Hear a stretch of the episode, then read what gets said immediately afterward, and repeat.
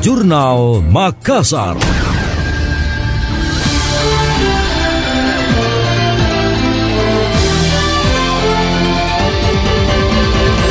Badan Penanggulangan Bencana Daerah BPBD Makassar memberi peringatan adanya cuaca ekstrim di Makassar.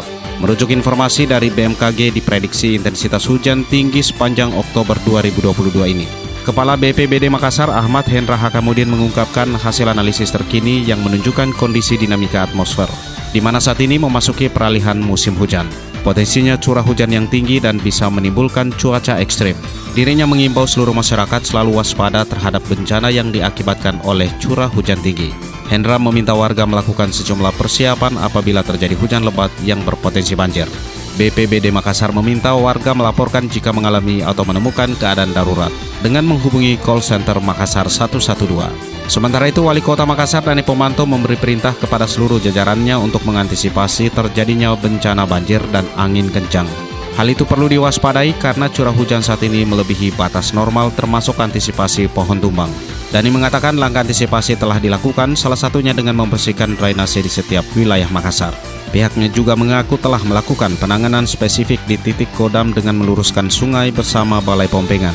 Masyarakat diminta ikut berperan dan membantu dengan tidak membuang sampah di sembarang tempat karena dapat memicu terjadinya penumpukan dan menghalangi jalur air. Sementara Badan Penanggulangan Bencana Daerah BPD Makassar mengaku telah melakukan sejumlah persiapan jelang musim hujan 2022. Langkah ini untuk menghadapi bencana banjir dan angin kencang yang terjadi di daerah-daerah rawan. Kepala BPBD Makassar Ahmad Hendra kemudian mengatakan selain personil seluruh fasilitas termasuk armada untuk penyelamatan sudah disiapkan.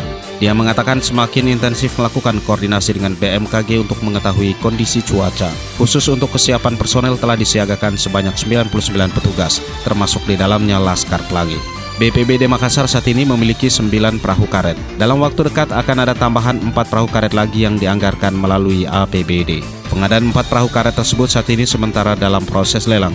Perahu karet yang akan dibeli khusus untuk penyelamatan lengkap dengan file jacket, helmet, dan peralatan pendukung lainnya. PT Telkom Indonesia melalui Pijar Sekolah berkomitmen menyebarluaskan semangat digitalisasi di bidang pendidikan hingga ke pelosok. Salah satunya melalui program Guru Unggul. Program ini telah dilaksanakan sejak Juli 2022 dengan diikuti hampir 2.000 guru dari seluruh Indonesia. Direktur Digital Bisnis Telkom Indonesia Muhammad Fajrin Rasid mengatakan setelah melalui serangkaian babak penyisian ketat, Lutfi Hidayati dari SDIT Permata Hati Bekasi berhasil keluar sebagai pemenang guru unggul tingkat nasional. Sementara posisi kedua dan ketiga ditempati oleh Agusana Terni Uli dari Seman 3 Kupang Nusa Tenggara Timur dan Anggi Perdana dari Seman 1 Bintan Pesisir Kepulauan Riau. Facirin menyebut Telkom melalui pijar sekolah dapat mendukung pengembangan kompetensi guru-guru di Indonesia. Selain itu dapat meningkatkan kesadaran seluruh elemen untuk berkolaborasi menciptakan ekosistem pendidikan yang tidak hanya berfokus pada murid, tetapi juga tenaga pengajarnya. Pijar Sekolah adalah platform terpadu yang mendukung pihak sekolah dalam menciptakan pembelajaran digital yang menarik dan menyenangkan. Terdapat ribuan konten digital mulai dari buku digital interaktif, video pembelajaran hingga laboratorium maya. Aplikasi ini sudah diimplementasikan di lebih dari 25 sekolah di Indonesia, termasuk di daerah 3T atau tertinggal terdepan dan terluar dengan total ribuan siswa.